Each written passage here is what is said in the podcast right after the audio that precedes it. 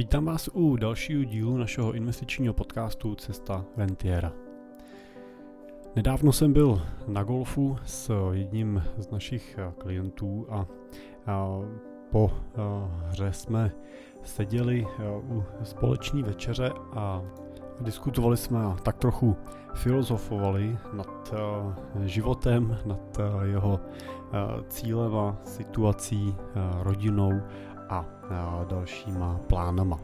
A Otevřeli jsme tam řadu zajímavých otázek okolo využitelnosti vašeho majetku, okolo toho, kolik vlastně potřebujete peněz, abyste byli spokojení, anebo třeba jakou cenu platíte za každý další milion akumulovaný ve vašem mění. A nebo třeba taky, proč vlastně ještě nechci přestat pracovat, co mi chybí. Tak, tak dneska bych se nad tím rád zkusil trošku zamyslet i spolu s váma. Moje jméno je Jiří Cimpel a jsem privátní investiční poradce a wealth manager ve společnosti Cimpel a partneři, kde pomáháme našim klientům na jejich cestě k rentě a následně jim pomáháme podobné otázky e, otvírat e, a hledat na ně odpovědi, tak aby tu rentu si nejenom dokázali udržet, ale taky si ji dokázali dostatečně užít.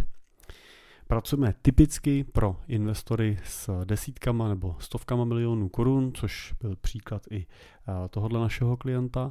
A, eh, ale spolupracovat s náma můžete zatím ještě od 3 eh, milionů korun investice výše. Tak my jsme diskutovali nad tím, vlastně nad takovým klasickým problémem ve většiny, bych řekl, rentierů. Ono totiž v průběhu života většina rentierů v České republice i vlivem samozřejmě historického režimu začala, jak se tak říká, pomyslně s holým zadkem. Prostě na začátku většina z nich neměla nic. A a dokonce bych řekl, že často takovým společným jmenovatelem je, že neměli nic jako skoro doslova, protože ty příběhy, když rozkrývám ty životní historie rodin našich klientů, tak většinou začínají, začínají větou, No to, když jsme s manželkou začínali, tak jsme měli prázdný byt a v něm madraci. Musím teda říct, že jsme podobně začínali i já s manželkou, kdy eh, první, co jsme si eh, koupili do eh, bytu nebo do baráku, tak byla madrace nebo dvě madrace. Rychle jsme zjistili, že bude potřeba je stáhnout dohromady nějakým upínákem, aby se nerozjížděli a pak jsme na nich spokojeně relativně dlouho spali, než jsme si vlastně mohli koupit postel. A to je často vlastně podobný příběh, který slýchám od našich klientů. Takže ten začátek začal někde v nule, logicky se dlouhou část svého života učili to, že mají co nejméně utrácet a co nejvíc odkládat a myslet na budoucnost, investovat. A to se jim dařilo. A proto, nebo i proto dneska skutečně disponují ve většině případů právě desítkama nebo stovkama milionů korun v tom investičním majetku, kterým slouží a generuje další miliony korun na ročních výnosech. No a a ve většině případů mají dneska naprosto opačný problém, než měli, když byli mladí. A tenkrát řešili, jak ušetřit co nejvíc. No a dneska potřebují vlastně se učit opačný scénář, opačný příběh a to je vlastně to, přemýšlet nad tím, jak ty peníze smysluplně a účelně utrácet. Jak vlastně to, co jste celý ten život využívali, nebo to, kvůli čemu jste se celý ten život dřeli, když vynechám to, že jste chodili do práce i proto, abyste se samozřejmě uživili v tom aktuálním, v tom přítomném životě, tak samozřejmě jste chodili do práce i proto, abyste si zajistili tu budoucnost, kdy nebudete už třeba chtít nebo nebudete moc pracovat. No a když tahle chvíle přijde, tak často zjišťujeme, že je pro nás těžký začít zpátky ty peníze využívat a třeba utrácet o něco víc peněz, než na té klasické měsíční bázi třeba vyděláváme nebo než nám přichází.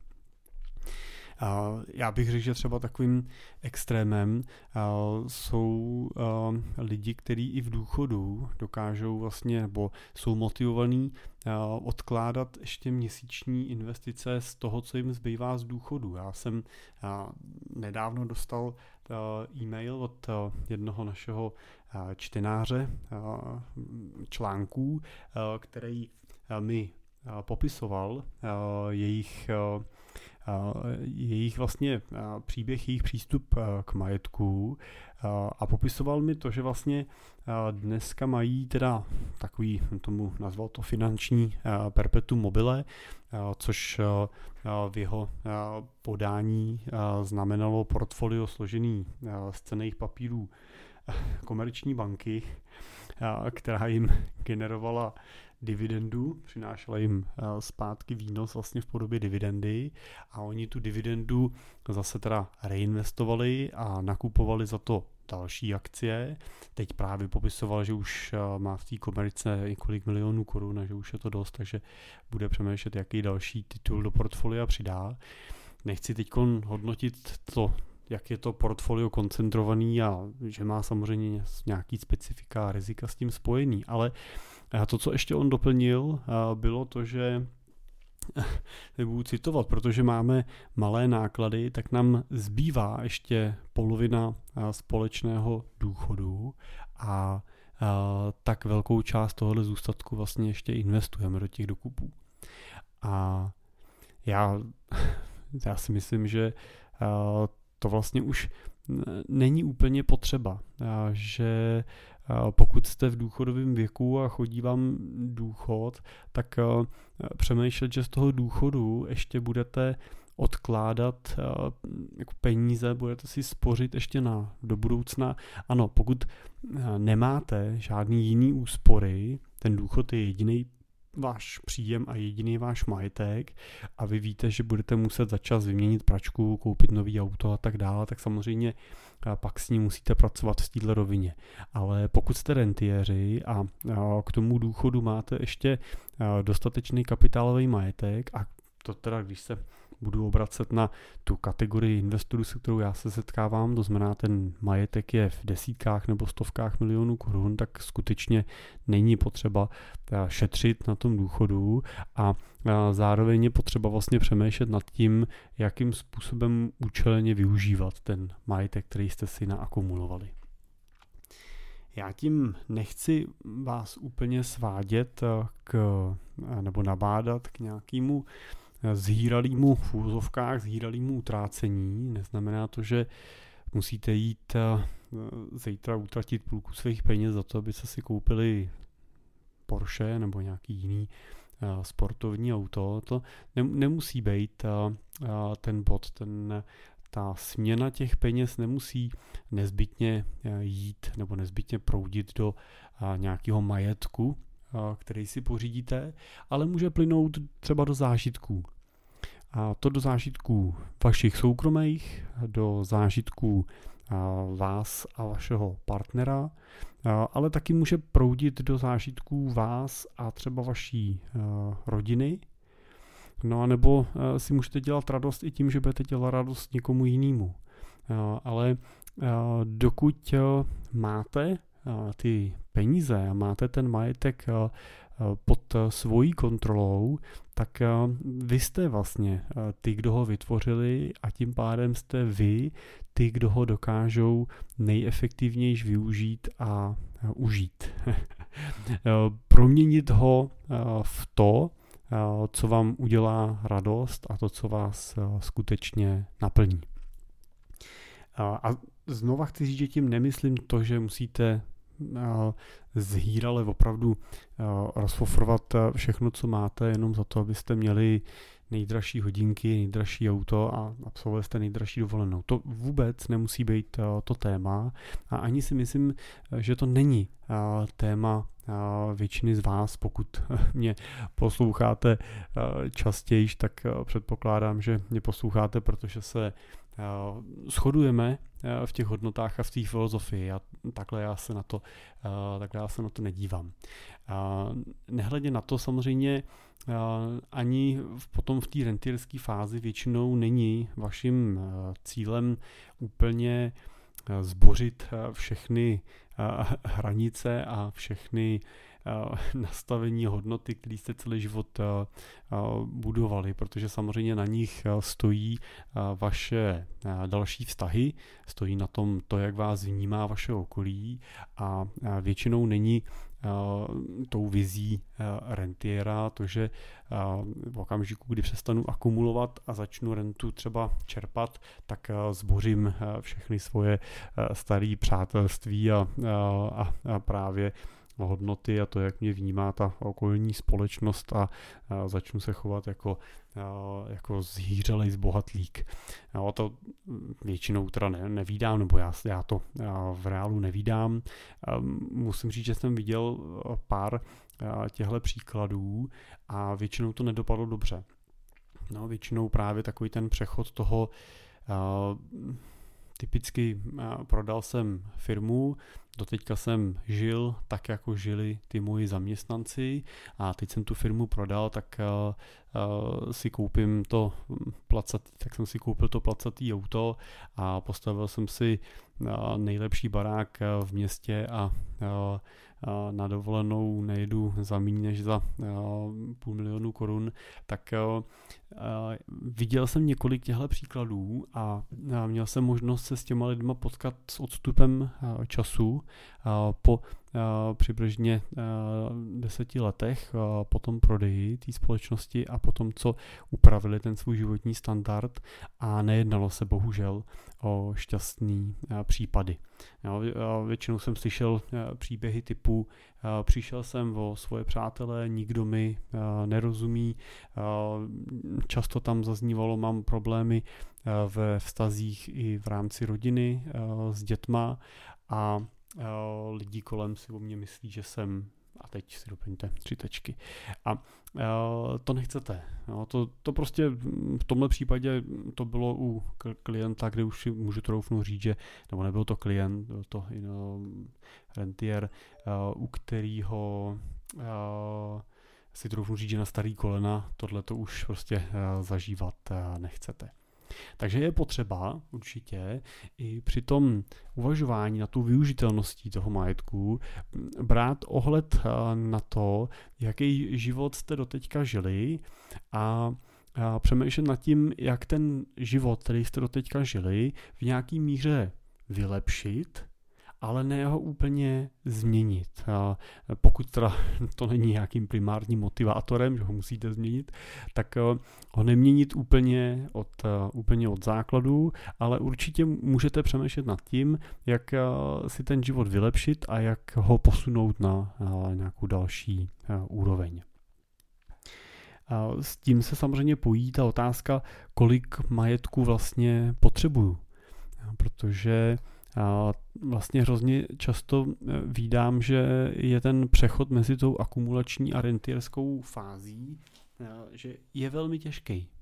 Je prostě, je to, není to prostě úplně jednoduchý e, přestat hromadit a začít utrácet, nebo určitě není jednoduchý ten definovat si, že teď je ten čas na to tohle udělat, ten, ten přerod. A často vidím, když se s klientem bavím, jako odpověď na otázku, kdy přejdeme do rentierské fáze, tak ta častá odpověď je horizont 3 až 5 let. A tenhle horizont je taková psychologická hranice, protože na dílce horizontu 3 až 5 let máme psychologický pocit, že to je ještě daleko a že to je dost daleko na to, aby ještě jsme proto nemuseli podnikat nějaký zásadní kroky, které by náš život teď měnili. A tak trochu si říkáme, že na to v čase zapomeneme. A tak když se ptám zase za rok, jak se blíží ten horizont, tak já většinou slyším podobný termín a to je 3 až 5 let. A tak jsem se naučil, že si zapisuju ne tu dílku 3 až 5 let, ale píšu si ten rok. To znamená v roce 2022 si píšu, že ten přechod chceme realizovat mezi roky 2025 až 2027 a v roce 2023 se tak ptám, blíží se nám ten termín, Máme cíl definovaný na to, že přejdeme do rentierské fáze v roce 2025 až 2027, to znamená za dva až čtyři roky. A jak to vidíte, nebudeme zkracovat ten cíl a tak dále. A, a to se samozřejmě trošičku pak mění ten pohled, protože protože samozřejmě pokud si řekneme až za 3 až 5 let, tak to musíme posouvat. Jo? Není to takový to jenom, že si sami sobě říkáte za 3 až 5 let. Takže doporučuji, abyste tomu cíli dali ročník, abyste mu dali rok. Ne ten za kolik let, ale v jakém roce by jsem chtěl přestat pracovat, v jakém roce by jsem chtěl začít víc vracet zpátky z toho majetku. A to, vrátím se ještě k té otázce, kolik vlastně potřebuju. Eh, často, když to spočítáte, zjistíte, že potřebujete podstatně méně, než už dneska máte. To je hrozně častá situace. Je to příklad i toho mýho eh, klienta, eh, kdy jsme o tom mluvili, dopočítali jsme se k majetku v řádu 70 milionů korun a on to tak zhodnotil a říkal, já jsem vlastně byl sám překvapený, kolik to je, a přestože se teda jako financema živím, nebo řízením, finančním řízením živím celý život, tak vlastně jsem si tu hodnotu svého majetku spočítal až před pár lety a vlastně mě šokovalo, že už tenkrát ten majetek byl v řádu 50 milionů.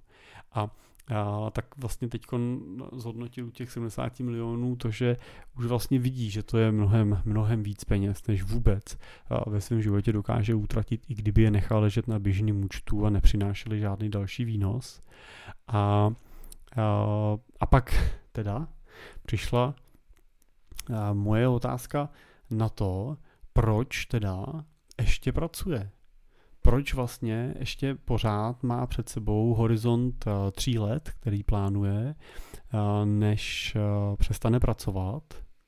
A když nad touhle otázkou v takovéhle situaci začnete přemýšlet, tak zjistíte, že tím důvodem je za prvý ten, ten strach z té změny, ta, ta obava z toho přepnutí toho života, to je jedna věc ale um, mnohem důležitější je to, že vlastně máme strach z toho, co budeme dělat. Prostě nemáme uh, představu, čím naplníme ten svůj život uh, ve chvíli, kdy ho nebudeme plnit těma uh, 8,5 hodinama práce denně. A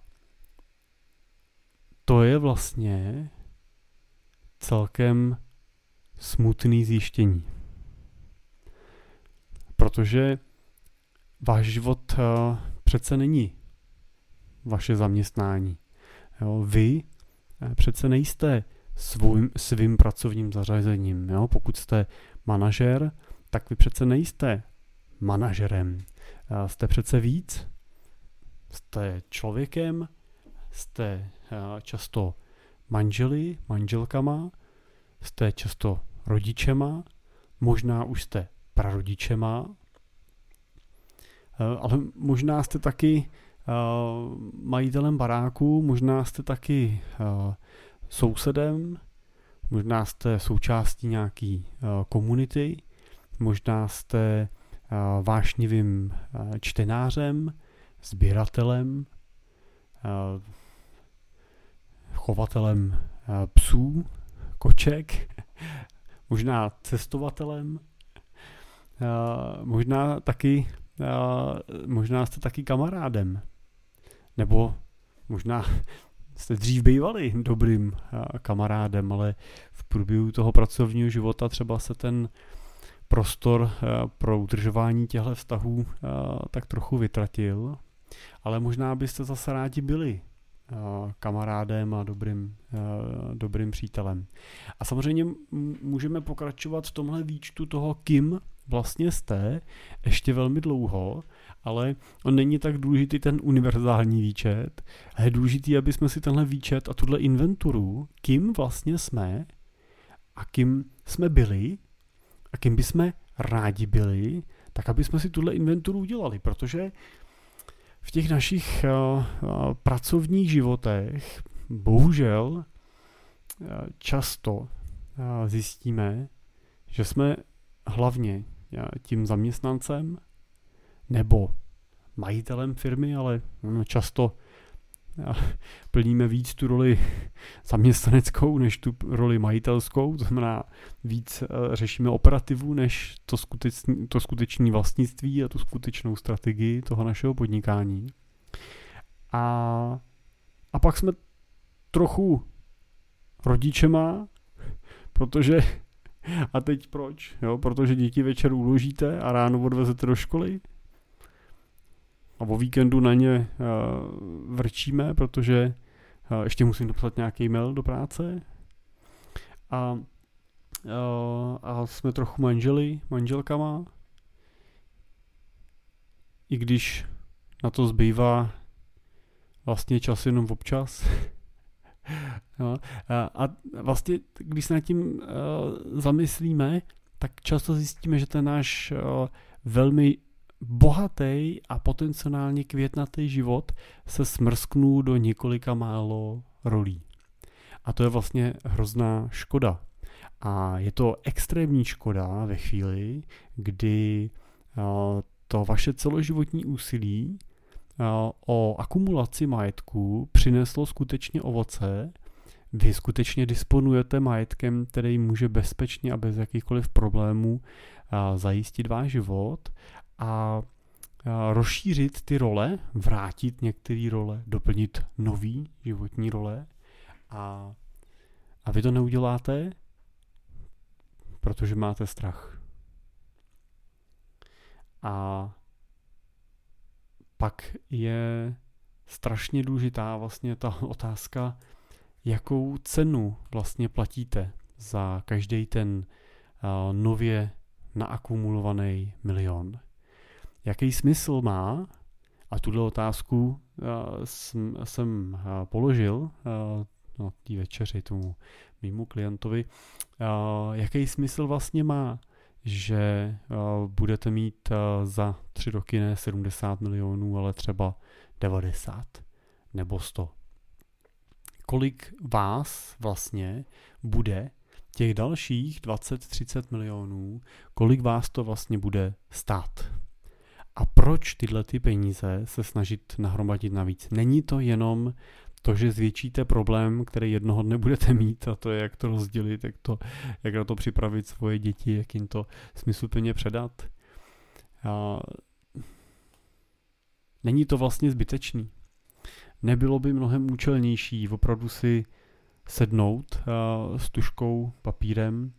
Uh, já si o, musím říct, že si obrovsky vážím uh, jedné věci a to je já si tady beru příklad tohle mého klienta, ale on je velmi důsledný a velmi pečlivý a většinou těch mých nápadů a myšlenek se řídí a zamýšlí nad nima. A tak mi vyprávěl, že na základě inspirace z našeho posledního setkání strávil před pár měsícema týden ve tmě a že byl hrozně překvapený, že se rozhodl si v té tmě eh, sesumírovat svoje životní priority a že byl vlastně hrozně překvapený, že práce eh, se pro něj dostala až na sedmý místo v tom jeho žebříčku priorit a žebříčku toho, kým vlastně je. A na těch prvních místech bylo, byla právě rodina, syn, zdraví, partnerka, jeho zájmy a tak dál, jeho jeho uh, srdcový nemovitosti, který, uh, který má jako uh, chalupa nebo statek a tak dál, uh, byly mnohem vejš než, uh, než ta práce. A přirozeně to otevřelo uh, tu otázku, uh, jak moc ještě je potřeba, aby pracoval a jestli není na čase, aby začal uvažovat o tom, že třeba bude pracovat míň, anebo třeba nebude pracovat vůbec. Samozřejmě, že vždycky, když si tuhle otázku položíte, přijdou, uh, přijdou problémy, jo? přijdou uh, ty bariéry, které vás tom budou brzdit. Jo? Najednou taková typická otázka, pokud na tohle nepřipravujete systematicky v páru, tak samozřejmě přijde ta otázka, co na to řekne ta manželka nebo partnerka. No, pokud nejste, nejste ženatý nebo nejste vdaný, jste třeba rozvedený, můžete mít třeba mladšího partnera, No tak vždycky se objeví nějaká, nějaká bariéra, vždycky se objeví nějaký otazník, ale tak otázky jsou od toho, abyste na ně hledali odpověď a je to samozřejmě další téma pro diskuzi a, a přemýšlení. Uh, takže ta otázka toho, uh, proč vlastně ještě nechci přestat pracovat, tak uh, často vlastně uh, skončíte prostě uh, v té úvaze toho, že nevím, co bych dělal, a nevím, co bych dělal, vlastně nemůžu řešit, protože pořád musím pracovat. Jo? Tak to je takový začarovaný kruh, tak tady bych určitě doporučil, abyste si udělali ten čas na to. A může to být eh, týden ve tmě, tak jako absolvoval eh, ten eh, můj klient. Může to být samozřejmě nějaká systematická diskuze s nějakým kolegou, poradcem, pro nás je to vlastně jako třeba denní jako chleba, tohle téma diskuzí, co budu dělat, jak budu s tím majetkem pracovat, jak budu pracovat se svýma dětma. No, jsou vlastně primární témata, eh, ke kterým se vracíme, otáčíme a rozvíjíme je vždycky na výročních schůzkách. Ehm, ale může to být i téma pro pro dovolenou, kterou si uděláte eh, a vyrazíte na ní s tuškou, papírem a právě třeba ideálně se svým partnerem nebo partnerkou eh, si zkusíte spolu vlastně psát tyhle ty úvahy. Abych nemluvil jenom o tom, že s tím máme problém, jo, tak já, já si myslím, že ta Eh, že často s tímhletím fenoménem eh, bojuje ta generace eh, těch budovatelů, který vykřesali třeba často ty svoje podnikání firmy vlastně po revoluci nebo lidi, kteří skutečně si zažili ještě v nějaký větší míře ten socialismus a využili potom přechodu do kapitalismu a, naučili se ten s tím majetkem pracovat a tak dál. A jsou to ty rizí budovatelé. Musím říct, že vidím zásadní rozdíl mezi generacema, i když si nejsem jistý, jak velký teda ten časový odstup je mezi generacema, ale vidím velký rozdíl mezi třeba současnýma šedesátníkama a současnýma 45 nebo 40 a, no a samozřejmě ještě extrémní rozdíl bude, když se budeme dívat na současní 25 ale tam uh, ta moje zkušenost není tak bohatá, tam já tu zkušenost sbírám třeba u těle mladších lidí u dětí našich klientů, ale nejsem si jistý, jestli je to, jestli je to úplně standardní generace, jo, tím, že už jsou děti rentierů. Ale vrátím se k těm 45 My dneska máme několik klientů z poslední doby nových, kteří právě v tomhle věku, ve věku kolem 45 a 40 let, začínají vlastně prodávat a exitovat svoje úspěšné firmy.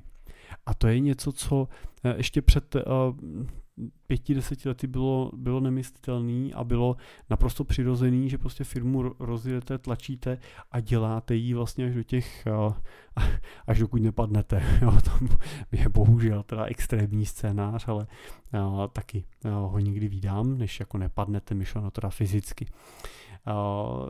Ale ta, tahle generace, už je to teda asi moje generace, tak jsou lidi, kteří už uvažují nad tím životem jinak, uvažují nad tím, že se nechtějí vlastně udřít, že nechtějí celý ten život strávit teda jenom tou prací, jenom v té práci, i když mají teda extrémně úspěšný biznisy, extrémně úspěšný podnikání. Ale to, co je úžasný, tak je to, že hrozně často u nich vídám tu, tu, tu synchronizaci toho páru manžela a manželky. Třeba můj poslední klient, nebo klient z poslední doby, tak skutečně vlastně po v těch 45 letech po prodeji velkého podílu, nebo prvního podílu ve společnosti a jeho stažení vlastně z exekutivy té společnosti, tak uh, odešel vlastně z té aktivní uh, činnosti, nechal si jenom nějaký dozorčí role a a to, to, co je úžasné, je to, že jeho manželka vlastně odchází z práce spolu s ním. Mají malou dceru a, a teď vlastně přemýšlí a teď vlastně naplňují společně naplňují ten svůj život jinýma aktivitama, než byla než bylo to zaměstnání, než byla ta práce do té doby. A když tohle dokážete udělat ve věku 45, řekněme až 55 let, tak tam vidím, že ta změna toho života může být eh, natolik intenzivní, že vlastně těch eh, předchozích 25 eh, let třeba podnikání a budování firmy se stane reálně se stane vzpomínkou a vy vlastně začnete úplně novou dráhu a novou éru svého života, o který potom v těch eh, třeba 60 letech, kdy já potom eh, se s řadou těchto lidí taky potkávám, tak vlastně, kdy oni už tak jako, jako se zmíníte, že jo, jo, mýval jsem, já jsem podnikal, pak jsem to prodal a už to není vaše hlavní téma, už to není to, o čem přemýšlíte večer, když si jdete, uh, jdete lehnout, co ta vaše firma a tak dál. Ale už je to opravdu jenom vzpomínka, jasně, když jsem podnikal, ale teď těch posledních 10, 15 let se vlastně věnuju tomuhle, v tom jsem se stal skvělým. Měl jsem třeba uh, paní, která se stala uh, profesionální kritičkou a věnovala se, věnovala se vlastně hudbě jako takový, takže, takže objížděla taková mecenáška, objížděla Evropu, objížděla koncerty, znala se s těma koncerta, s těma umělcema, uh, psala komentáře, vlastně potom nějaký hodnocení k tomu a tak dál a úplně vlastně otočila svůj život, protože uh, to, to, co jí k tomu téhle dráze dovedlo, byla dráha úplně jiná. Ona vybudovala ten, tehdy mediální, velmi silnou mediální společnost, kterou vlastně v těch uh, 45 prodala a od té doby se věnovala úplně jiným věcem. A tohle si myslím, že si zasloužíte. Myslím si, že si všichni zasloužíme, aby jsme měli možnost v tom životě dělat změny, aby jsme mohli otáčet tím kormidlem a aby jsme se nebáli ten svůj život skutečně třeba naplnit i jinýma věcma, který můžou být významně větší vášní a impulzem do vašeho života. Protože v tom podnikání občas výdám, nebo když se ptám právě třeba těch, těch 45 proč prodávají svoji společnost, která je v naprostých většině případů extrémně zisková, úspěšná, často jsou to velmi známí společnosti. Řekli byste, že je sen vlastně takovou firmu, tak to, co od nich často slýchám, je to, že že vlastně že začali tu firmu budovat, protože je, a teď záleží na oboru, jo, ale jeden z těch klientů říkal, no protože miluju programování, já jsem ajťák a rád píšu programy. Druhý říkal, já jsem technolog a rád konstruju a vyrábím věci a to mě přivedlo v tom oboru, ve kterém jsem k tomu, co, k tomu, co dělám. A teď najednou po těch 15-20 letech toho podnikání a budování té firmy jsem se takhle ráno probudil a uvědomil jsem si, že dělám úplně něco jiného, než mě vlastně naplňovalo a než mě bavilo, že místo toho bych programoval nebo dělal vývoj a výrobu, tak se musím věnovat HR a řízení lidí a musím rozumět účetním rozvahám a, a, a řešit vztahy s investorama a, a, a vlastně dělat úplně jiné věci, než jsem v životě dělat chtěl. Prostě mě ten život do téhle dimenze zavál a já vlastně jsem si uvědomil, že v ní nechci být. Že, že prostě chci dělat, pokud mám dělat eh, třeba zpátky, mám pracovat, tak chci dělat to, co mě naplňovalo. No, ten jeden říkal, chci programovat, chci programovat pro radost.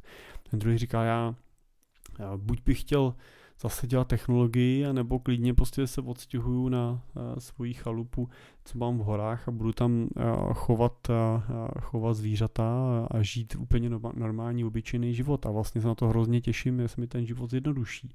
A, a to, tohle je důležitý. Tohle je důležitý a je to obdivuhodný a je to obrovská odvaha, která za tímhle rozhodnutím stojí, ale je to něco, co váš život eh, může posunout o mnoho úrovní dál, protože najednou eh, v tom životě nebudou důležitý peníze.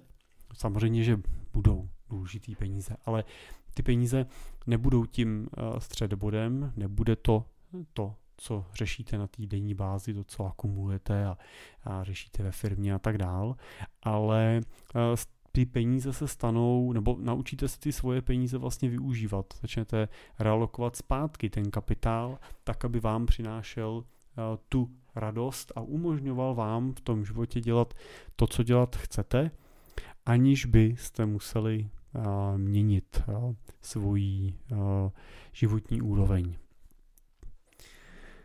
Tak, no, to by asi dneska mohlo stačit. Díky, že jste tuhle moji polemiku doposlouchali až eh, sem. Doufám, že eh, byla pro vás eh, aspoň spůlky tak, spůlky tak zajímavá jako pro mě, protože mě vlastně to zamyšlení se nad tím a ta, to shrnutí i těch zážitků, který mám do podoby podcastu pomáhá utřídit si trošku ty myšlenky pro milovníky Harryho Pottera, pač moje děti teď teda nadšeně, nadšeně sjíždějí celou řadu Harryho Pottera, tak bych podcast nazval takovou myslánkou, do který můžu umístěvat ty svoje myšlenky a, a nápady a přitom si vlastně tak trošku utřídit a popřemýšlet nad nima spolu Eh, s váma. Tak eh, díky, že eh, my jako posluchači a jako teda věrní a posluchači a neustále rostoucí publikum z pohledu počtu sledujících, tak že mi tohle umožňujete. Tak díky. Pokud máte nějaký téma, nějaký nápad, o čem byste třeba rádi se takhle spolu se mnou zamysleli, tak klidně mi napište na můj e-mail jiřizavináčcimple.cz a pokud do svého života a ke svýmu majetku hledáte nějakého partnera, nějakého společníka do té do debaty teda živý, byste chtěli jí mít obou stranou, nejenom ode mě směrem k vám, ale i abyste mohli debatovat eh, zpátky a mohli jsme třeba rozvíjet víc ty témata kolem vašeho osobního majetku a vašeho osobního případu. A splňujete ty parametry, máte k dispozici aspoň eh, ty 3 miliony korun a jste budoucí rentier nebo současný rentier, tak jsme tady samozřejmě pro vás a ten můj e-mail můžete využít i na to, abyste mi napsali, můžete se domluvit na spolupráci, nebo můžete jednoduše přes naše webovky v pravém horním rohu kliknout na chci být klientem, vyplnit pár otázek a my s vám bratem ozveme. Tak ještě jednou díky za pozornost a těším se zase u dalšího dílu brzo naslyšenou.